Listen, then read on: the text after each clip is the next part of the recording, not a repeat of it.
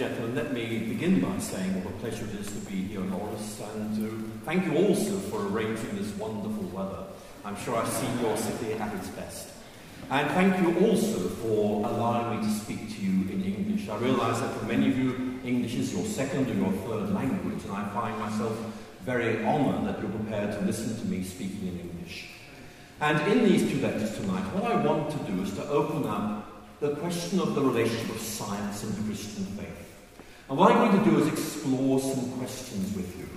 And I want to promise you these are interesting questions. I think you'll find the areas we'll be exploring very, very interesting, but also the answers I'm going to give you, I think, will be very helpful. And one of the things about Christian apologetics is this Christian apologetics is about recognizing that our culture is asking some good questions of Christianity. But it's also about recognizing that there are good answers that can be given. And in many ways, one of the things I want to encourage you to do tonight is to discover what those answers are. They'll be good for your faith, but they'll also be good for those who you're talking to, who are wondering what Christianity is all about and are wondering what it has to say on some of the questions we'll be looking at tonight. And so in this first lecture, I'm going to compare Richard Dawkins and C.S. Lewis. Why did I choose those two? Well, first of all, everyone's heard of Richard Dawkins and everyone's heard of C.S. Lewis. And secondly, they really open up for us some very important questions. So I hope you'll find this first lecture interesting. Then in the second, I'll be moving on to look at ways in which we can think about the relationship of science and faith. but to begin with, I want to concentrate on Dawkins and Lewis. I want to emphasize that the whole issue of the relation of science and faith is a very big one. And in this first lecture tonight, I'm just going to look at four themes. Themes that I'm sure you've thought about already. First of all, how do reason and evidence come into faith? Secondly, this very big shift that we, we're seeing, but from modernity to post-modernity. Many of you here tonight will think in very postmodern ways, some of you in more modern ways. What I want to do is to explore with you how that shift affects our faith. And again, Richard Dawkins and C.S. Lewis open up this question very, very well. And then I want to focus on a question that I think is really significant how science and religion engage the question of meaning. And many of you will know there's a very substantial psychological research literature which shows that one of the most fundamental features of human beings is that they look for meaning. Not just what is happening, but rather what is the meaning of this, above all for my own life. It's a very important thought, and I think that final section of this lecture will be really interesting. But let's just look more briefly at the two people I want to engage with tonight. Many of you know Richard Dawkins, until his retirement, was Professor of the Public Understanding Science at Oxford. And uh, his important books include, of course, The Selfish Gene, which I remember reading when I was doing my research into molecular biophysics at Oxford back in the 70s. But more recently, of course, the God Delusion. I want to talk about that book a little bit in this lecture. I think it raises some very good questions. I don't think the answers he gives are really all that persuasive, but nevertheless, we'll look at the questions raised and the answers that might be given. Lewis um, was finally professor of medieval and Renaissance English at Cambridge, although he spent most of his career at Oxford University. And he's interesting for many ways. His books include, for example, Mere Christianity and Surprised by Joy. But they have very different life trajectories. In other words, the way in which their lives worked out are very, very different. Dawkins, I think you know, was an evolutionary biologist who moved from Anglicanism to atheism, whereas C.S. Lewis specialized in classics and English, and indeed one of the reasons he is so easy and so enjoyable to read is that he has mastered the English language. But many of you will know that Lewis moved from atheism to what he called mere Christianity. For Lewis, mere Christianity means something like this a basic Christianity, a sort of essentials of faith. Not something like Lutheranism or Anglicanism, but rather just the basics of Christian faith, which for Lewis stood right at the heart of things. Let's begin to look at that first question I've opened up. Is faith reasonable? And I think it's a very important question to ask because, for example, Richard Dawkins in his book The God Delusion is arguing that faith is without any rational basis whatsoever. Scientists use evidence, but religious people just run away from evidence. They offer no reasons for their faith at all. Actually, Dawkins is very good emphasizing that we need reasons for our beliefs. But so is C.S. Lewis. And in many ways, Lewis is a model figure in saying that there are good reasons for believing that Christianity is right, is trustworthy, and is exciting. And we'll be looking at some of those reasons in this lecture tonight. But I want to ask this question that seems to me to be important.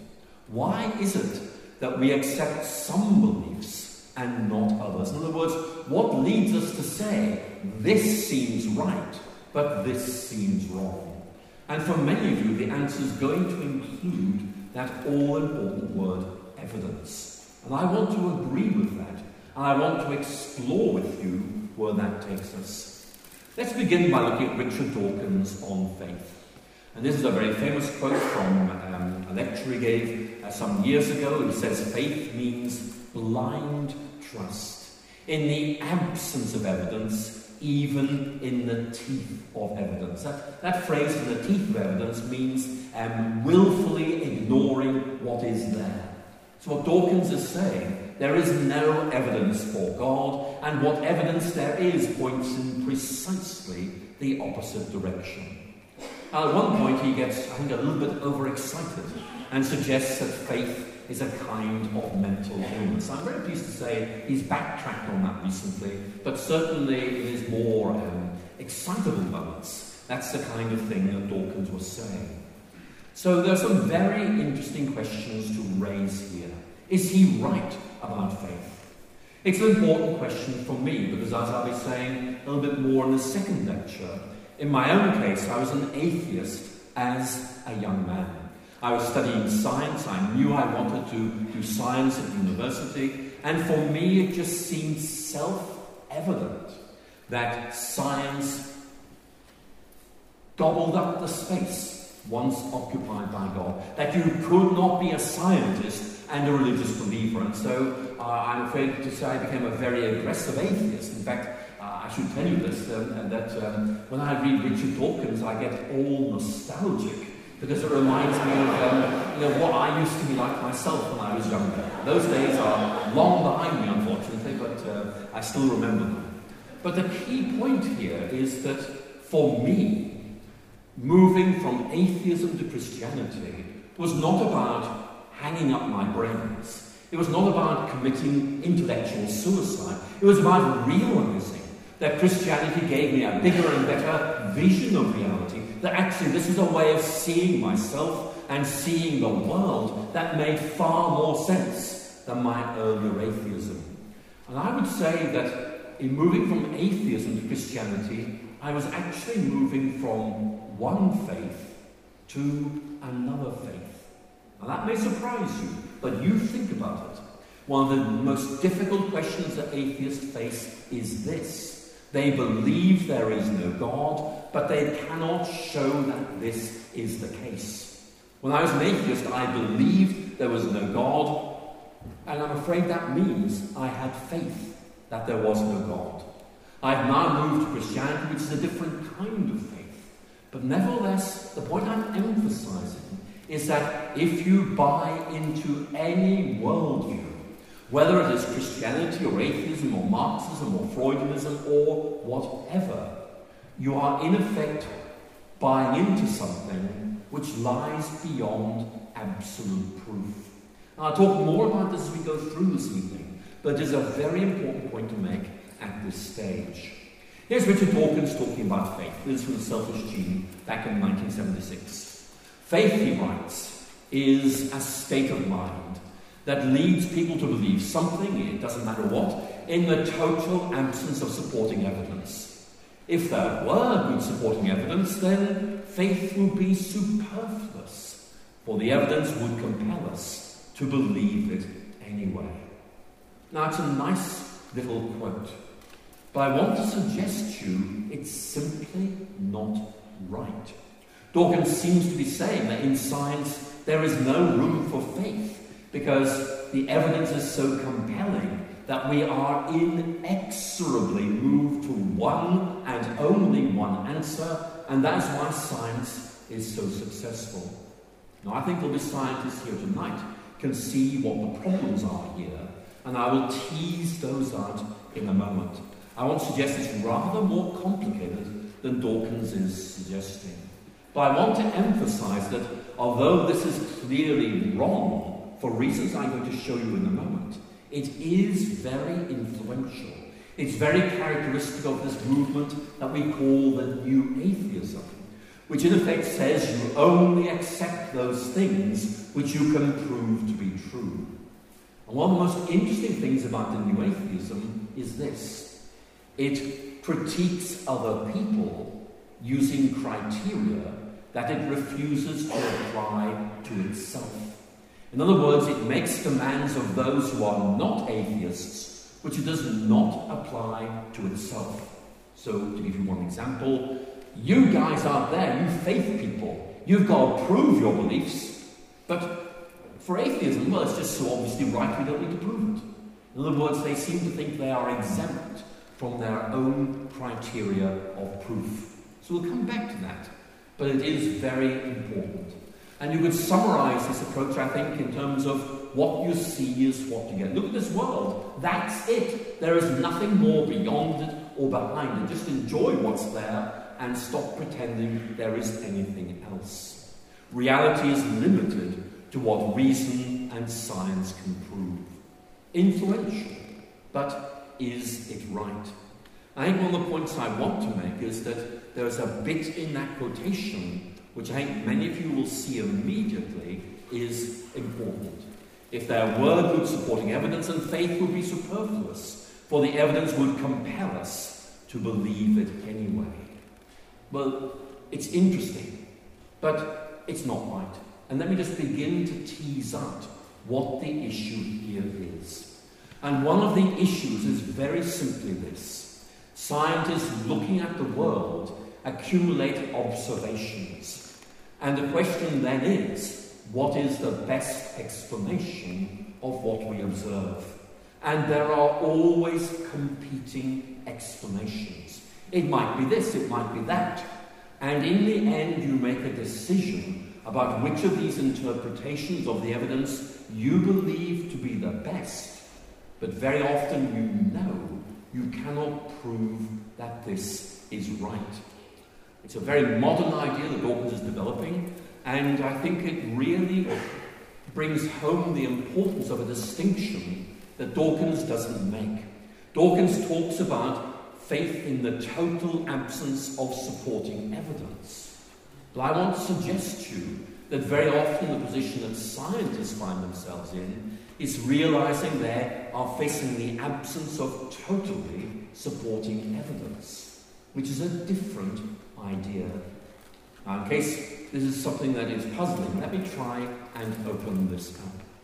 There are many cases where basically the evidence is open to several interpretations. Yes, you can have complete proof in the areas of logic and mathematics, but beyond those regions, it's much more complicated.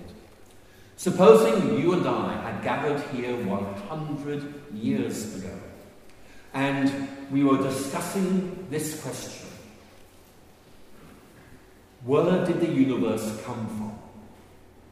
Except those of you who know your science will say, well, actually, we wouldn't have been discussing that at all. Because 100 years ago, the scientific consensus was simply this the universe has always been there. It makes no sense talk about creation. It makes no sense to talk about the origins of the universe. The evidence before us tells us it has always been here. Now, 100 years later, we are in a very different place.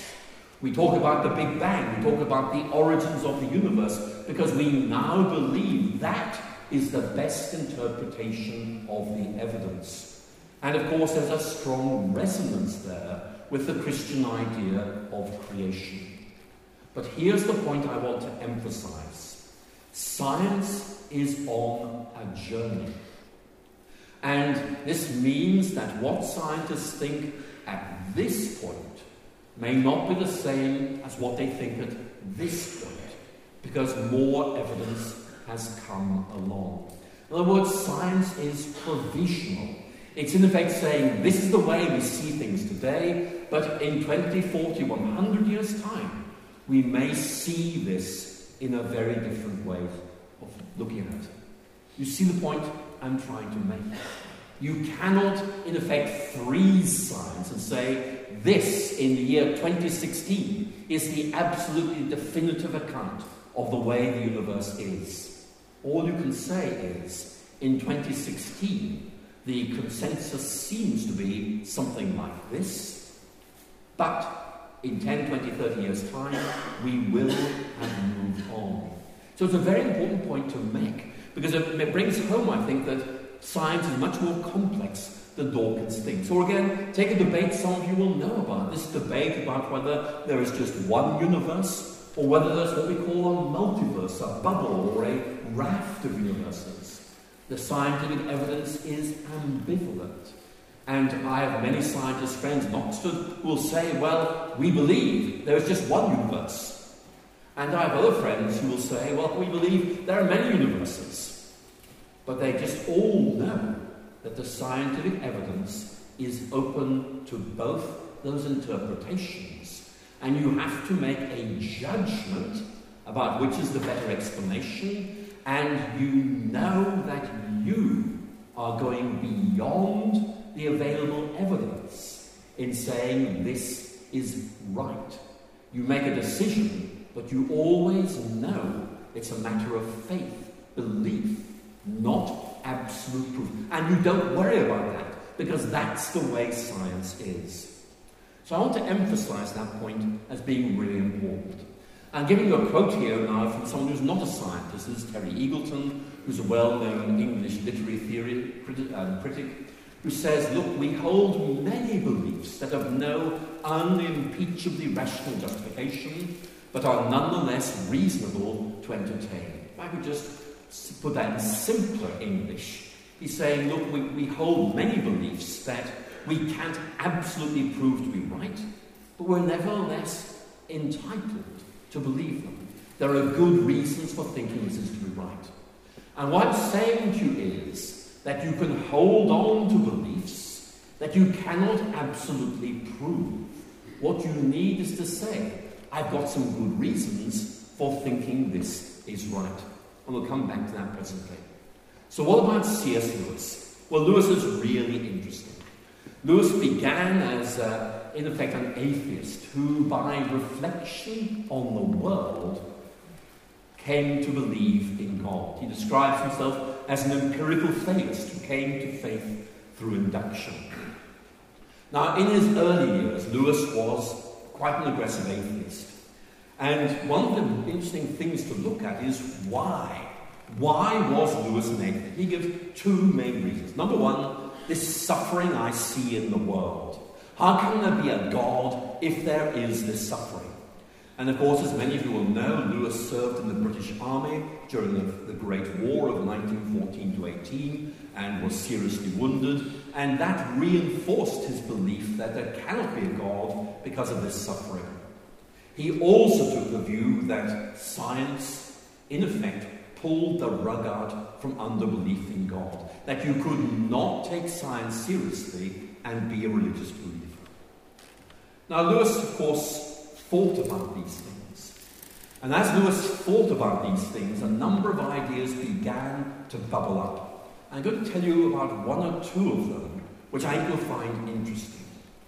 First of them was this Lewis began to realize that the evidence for atheism was actually not all that good. It was simply one among many ways of understanding experience and observation. But it wasn't the most obvious. And here's the interesting point. In his writings during the 1920s, when Lewis was beginning his career as an Oxford Don, Lewis took the view well, atheism is probably right, but it is not interesting. It is not something that gives me reasons to live and to hope. It does not give me a big picture of reality. And for Lewis, that was really important.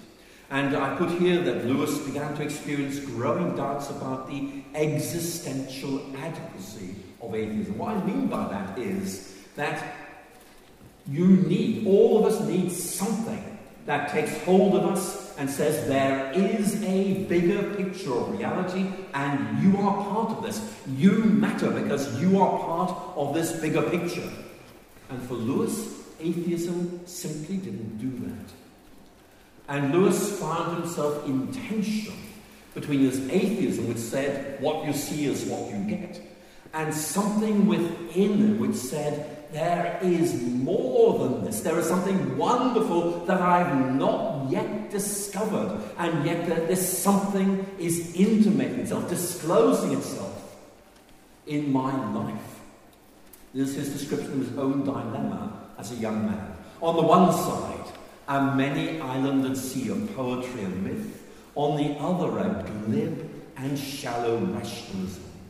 Nearly all that I loved, I believed to be imaginary.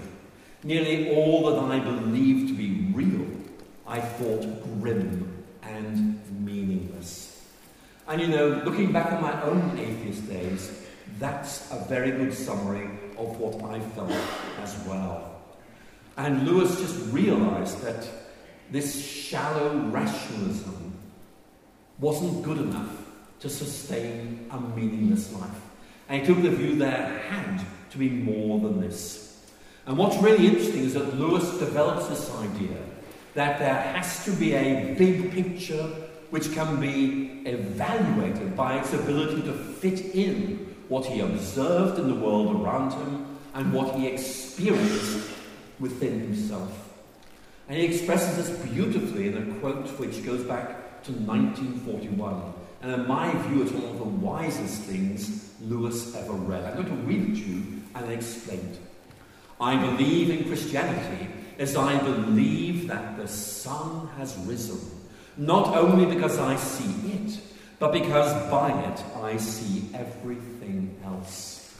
So, lovely quote. It's this image of a sun rising. Imagine that. You're on a mountain peak, it's a dark night, and then dawn begins to arrive. And the sun begins to light up the landscape, it begins to burn off the mist, and you can see things more clearly than you otherwise could. Sure, there are shadowlands, but you're still able to see more clearly than would otherwise be the case. For Lewis, you judge a worldview, you judge a faith system by its ability to make sense of things. Not just the world around you, but what you experience in your deepest, inmost being. And for Lewis, Christianity does that very, very well. So, what Lewis is saying is that we want to talk about what evidence there is that might move us towards faith. And one of those is going to be this question how much sense does the Christian faith make of what we observe and what we experience? I'm going to quote before I go on to the next section from John Polkinghorne. John Polkinghorne is someone I know. He was a professor of um, theoretical physics at Cambridge University and in his later years went into the ministry of the Church of England.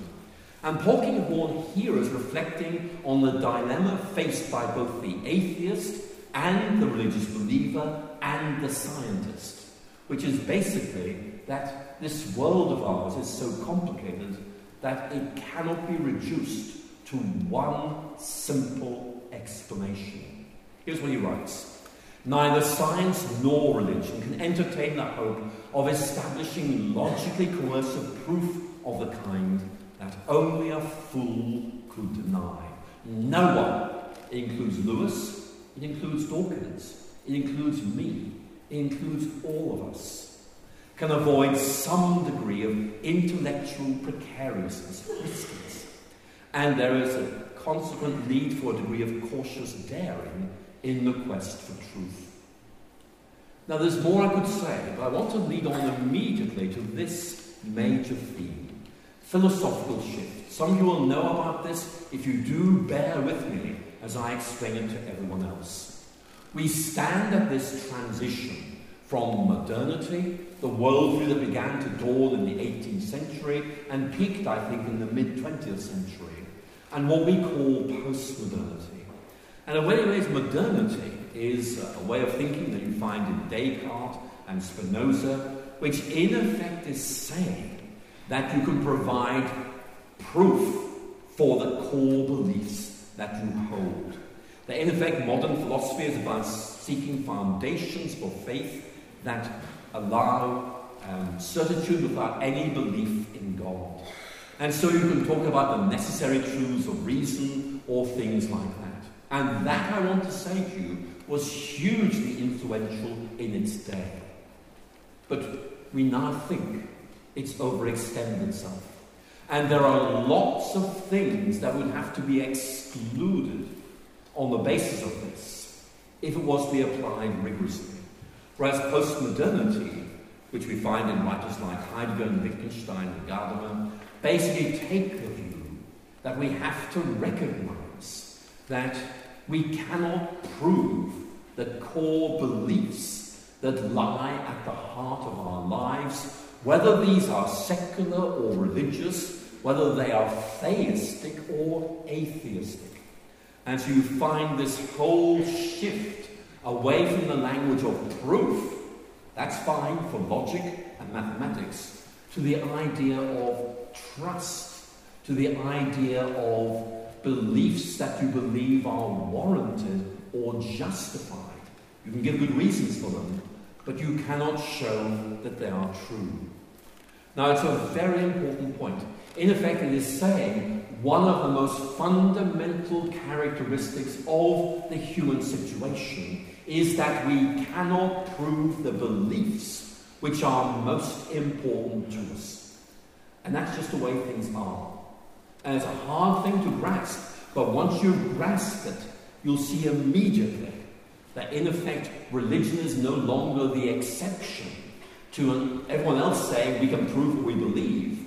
Rather, religion is the classic example of the realization of the limits of the human situation, where we cannot prove, for example, that democracy is better than fascism. I think that. I think it's very important. It affects the way I live. But if you were to say to me, okay, okay, it's important, can you prove that is right? I would have to say no. But, I, I, can give you some good reasons for thinking it's right. And that's just the situation in which we find ourselves. And that, I think, sets things in a different perspective. This is one of Oxford University's finest intellectual historians of the 20th century. Isaiah Berlin uh, uh, ran away from Latvia, found refuge in Great Britain, and became a philosopher and historian of ideas. And he argued that basically human beliefs fall into three categories. There they are. Those you can prove by reason or logic, those you can prove empirically, those you can't prove in either of these ways. And you know, think of what you can prove by reason or logic. Well, two and two make four. I think that is unassailable. That's true. You can trust that. But let me just say to you, it doesn't give you a reason to get up in the morning. Those you can prove empirically, you can prove some things empirically. For example, the chemical formula of water is H2O, and that's nice to know. Um, but again, it doesn't give you a reason to get up in the morning. And as we've just seen, the universe had an origin. The universe has always been there. There is just one universe. There are many universes. Many of these scientific beliefs are open to question. And then, thirdly, Berlin says that those who can't prove in either of these ways, and here is the key point he makes every major political, moral, religious, anti religious belief you can think of is in that third category.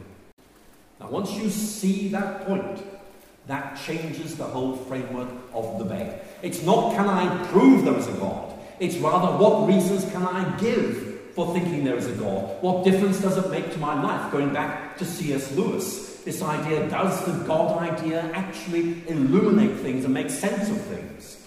And in many ways, Lewis is inviting us to discover what those might be.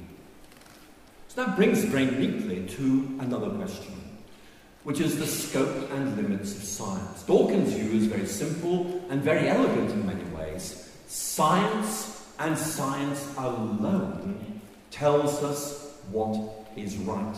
And many of you will know this uh, view. He finds that um, scientific explanations will always win out, that in effect the progress of science always uh, entails the retreat of faith, that science always proves its assertions, whereas religion just asserts them. But lying behind this is this core belief, which we sometimes call scientism. Scientism, which is basically that science and science alone tells us what is true, what is meaningful, what is moral, what is everything. In other words, science is supreme. Everything else is just redundant. So I'm going to ask whether that's right, but let's just ask what Lewis thinks about this. Lewis makes a number of points.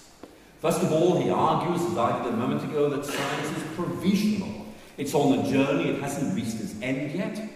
And much more important, the process of induction simply doesn't deliver the certainty that many seem to crave. Induction is saying something like this we observe this and this and this and this, and we ask what's the best way of making sense of those. Induction is about standing back from observation and asking what big picture fits them best. And it's a great way of doing science. But the problem is, really, it just doesn't lead to that kind of certainty that Dawkins seems to think is so important. And one of the points that Lewis reiterates again and again is that Christianity is able to provide an intellectual framework that makes sense of the scientific enterprise and its successors. And that's another point to bear in mind here. Here's a quote which I think is really hopeful in this respect. This is from an English theologian that I can predict confidently you will never have heard of. But although he may be obscure and forgotten, he makes a very good point. The point he's making, and I'll read it to you in a moment, but the point he's making is this look, some people seem to think that talking about believing or proving the existence of God is about proving that there's a, a, sort, of, a sort of extra asteroid orbiting the sun, or something like that. It's an object in the universe. No, says Lewis. Lewis is very, very clear. God is not an extra object in the universe. It's about what lies at the heart of our lives, the heart of this universe, and that's something quite different. But William Inge makes the point like this Rationalism tries to find a place for God in its picture of the world. But God can't be fitted into a diagram. He is rather the canvas on which the world is painted, or the frame in which it's set. Again, we've talked about these shifts in cosmology. I think they are really quite important. Um, this is a local hero, I think, um, who in his book, uh, Worlds in the Making, just says, look, science today, i.e. 1906, is saying the universe has always been here, there have been a few shifts, but that's it. Whereas today, of course, we believe something radically different, which is, of course, that the universe is expanding precisely because it began. So we have to raise these fundamentally different questions like, um, you know, what is the universe expanding into?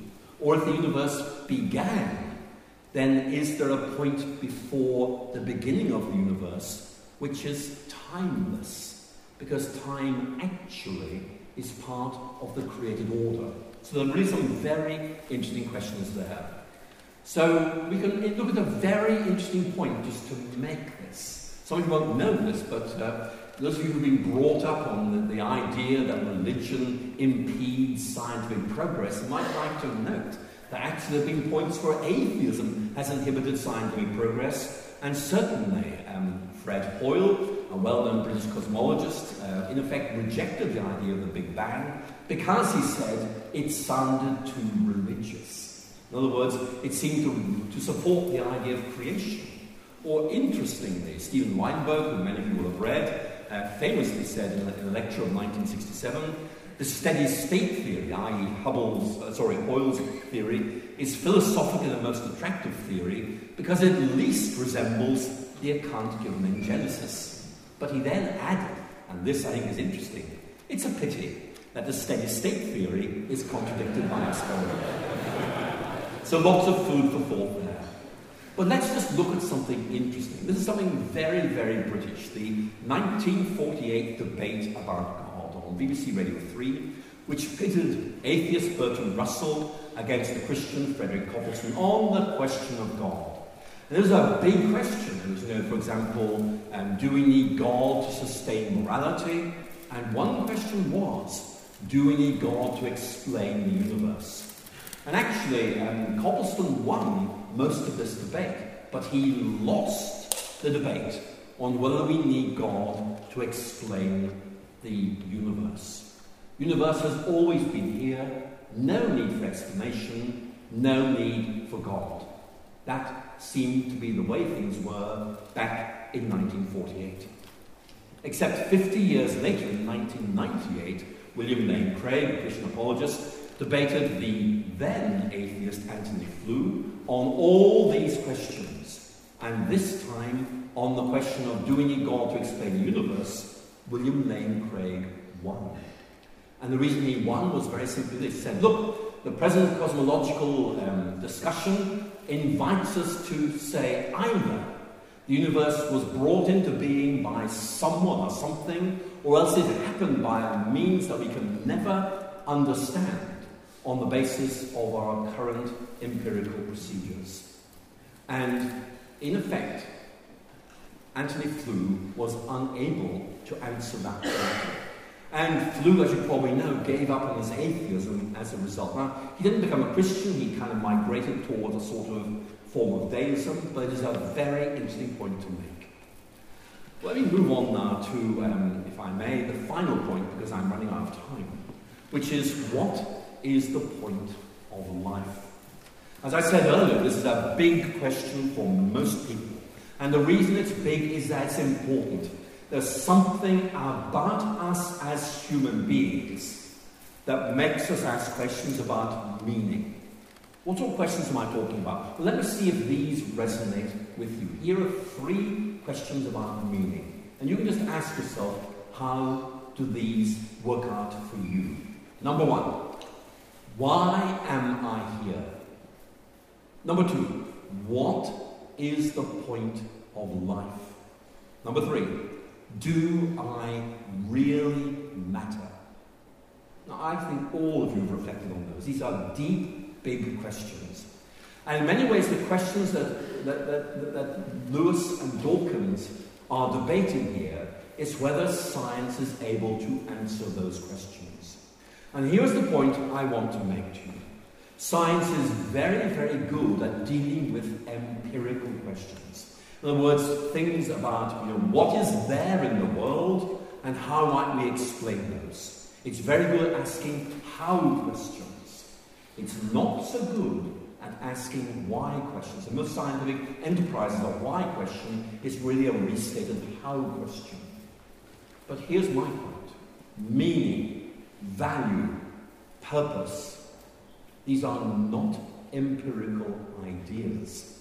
And there is a sense in which science just is not really able to answer these questions. So, really, what I'm trying to say is that we need to think about this. Many scientists take this view, which I think is regrettable, but they will say something like this We're just atoms and molecules. That is all that needs to be said about human nature. Get used to it. And I'm sure people have said that to you. If they said that to you, listen to what I'm saying to you tonight. I am made of atoms and molecules. This glass of water is also made of atoms and molecules. And if you are unable to make a distinction between this collection of atoms and molecules and this collection of atoms and molecules, then frankly, your philosophy isn't worth listening to. Because we need to be able to explain what is different about human nature. Now, there's a lot more I could say, and I'll be opening this up uh, much more in the next se- uh, section. But certainly in Dawkins' case, he redevelops this in a different kind of reductionism, which is that our sole purpose is to reproduce our genes. We are gene machines. We dance, to use one of his rather more elegant phrases, we dance to the music of DNA. Now, actually, I dance very, very poorly, so I can't actually illustrate this for you tonight, but you, you can see what he's trying to say. We are puppets whose strings are pulled by genetic mechanisms which we don't really understand and over which we have very little control.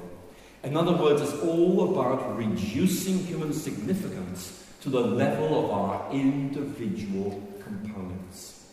And here's the point that Lewis would make in response to that. Lewis would say something like this that we need a bigger and better picture of humanity.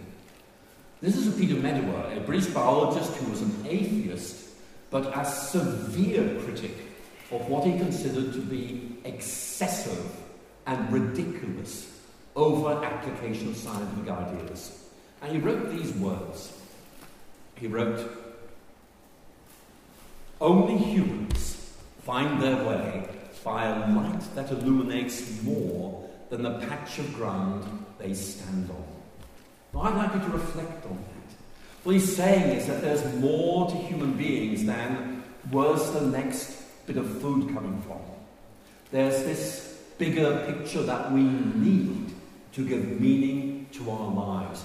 It's not just about surviving, it is about flourishing. It's not just about existing, it is about living. Many of you know that in Greek there are two words for life bios. We get our word biology from that, which means, you know, existing. And there's zoe, a rich word, which means something that is worth living. And in many ways, what Medawar is saying is we have to say that human beings need to do more than just exist. They need to have something that makes them flourish. Now, Dawkins just says, look, there is no meaning, get used to it. This is a very famous quote. Universe we observe has precisely the properties we expect. If there is a bottom, no design, no purpose, no evil, no good, nothing but blind, pitiless indifference. And again, that's very influential as a kind of soundbite. But here's the point I want to emphasize. This is just Dawkins' reading of things. Do you remember earlier I talked about a big picture? Here's another way of thinking about Christianity. It's like a lens. It brings things into focus so you can see things more clearly. What if Dawkins is looking at reality through a lens that's out of focus and doesn't see what is there? That's his way of seeing things, fine. But there are other ways of looking at things, and in my view, there are better ways of looking at things. So let me give you a, little quote from C.S. Lewis I think is really helpful here. Many of you will know this. In The Voyage of the Dawn Treader, one of the children is showing off his knowledge of astronomy to a, a wise old uh, Narnian. And uh, one of the children's stories says, well, look, in our world, a star is a huge ball of flaming gas. And this gets this response. Um, even in your world, my son, that is not what a star is, but only what it's made of. Now, there's wisdom in that. I want to think about that. You and I are made up of atoms and molecules and chemicals, etc., etc. But the wonderful thing about who we are is that we transcend those components. What is distinct about us is not what we're made of, but what those become. And that's why it's so important to develop a more robust understanding of human nature. Now, there's much more I could say, but I think really I need to bring this lecture to an end. I'm going to end with a quote from Peter Medawar. Again, I mentioned him, a rationalist, but with a very deep sense of the limits of science and the human need for something bigger. He writes in his book called The Limits of Science, very interesting book. We need to acknowledge that there are questions that science cannot answer, and that no conceivable advance of science would empower it to answer. And these are questions like the meaning of life. What is good? Do I really matter? Because you and I are human beings, these questions matter. What I want to say to you is this dialogue, this very brief dialogue I was going to give you intellect between Richard Dawkins and C.S. Lewis, I think in many ways opens up these questions. Dawkins seems to think that science is able to answer all our deepest questions. Lewis says no, no. Science, to use that image of the big picture, can fill in part of that picture, but it leaves unfilled vast expanses of that big picture.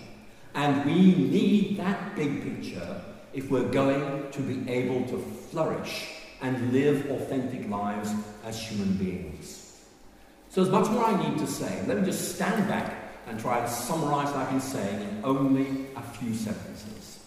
Dawkins and Lewis invite us to think about the rationality of beliefs what we need to believe in order to be justified in our thinking and lead authentic lives. I'm very interested in what Richard Dawkins is saying, but I don't think he's right. I think in many ways that Lewis has put his finger on what it is that we as human beings really need and shown how Christianity fits into that and is able to deliver. Let me end by going back to that very first question I raised about the rationality of faith. And Dawkins, in effect, saying, you only believe what you can prove. A few years back, there was a big debate about Oxford University. And it brought together Richard Dawkins and Rowan Williams, who was then Archbishop of Canterbury. And one of the key questions was the rationality of faith. Under pressure, Dawkins in effect admitted that he probably had to think of himself as being an agnostic because he could not believe, could not prove his core beliefs. The audience was astonished. But actually, I think Dawkins was being absolutely honest in simply saying, Look, I do believe there is no God, but I can't actually prove that. And in many ways, Dawkins is haunted by this realization that his criterion of what is to be trusted, something you can prove, doesn't actually work for his own atheism, which stands at the heart of his personal existence. That's interesting. But for me, what's even more interesting is the realization that this opens up the question in a very new and exciting way. It's not, can you prove that there is a God? It's much more, can you show that what you do believe fits well with observation and experience and brings a new quality of depth to your lives and the way that you think and hope? I want to suggest, ladies and gentlemen, that maybe Lewis is pointing us in a very helpful direction with that quote I gave you. I believe in Christianity as I believe the sun has risen, not only because I see it, in other words, as evidence for it, but because by it I see everything else. That's the kind of big picture we're looking for. I found that when I moved away from atheism. I've lived with it ever since. It is a great place in which to live. And in many ways, I would endorse Lewis at this and say we need to find that big picture and realize that gives us a new way of thinking, not just about the world in which we live, but about us and our hopes and the place we have in this wonderful world in which we are placed. Ladies and gentlemen, thank you so much for listening.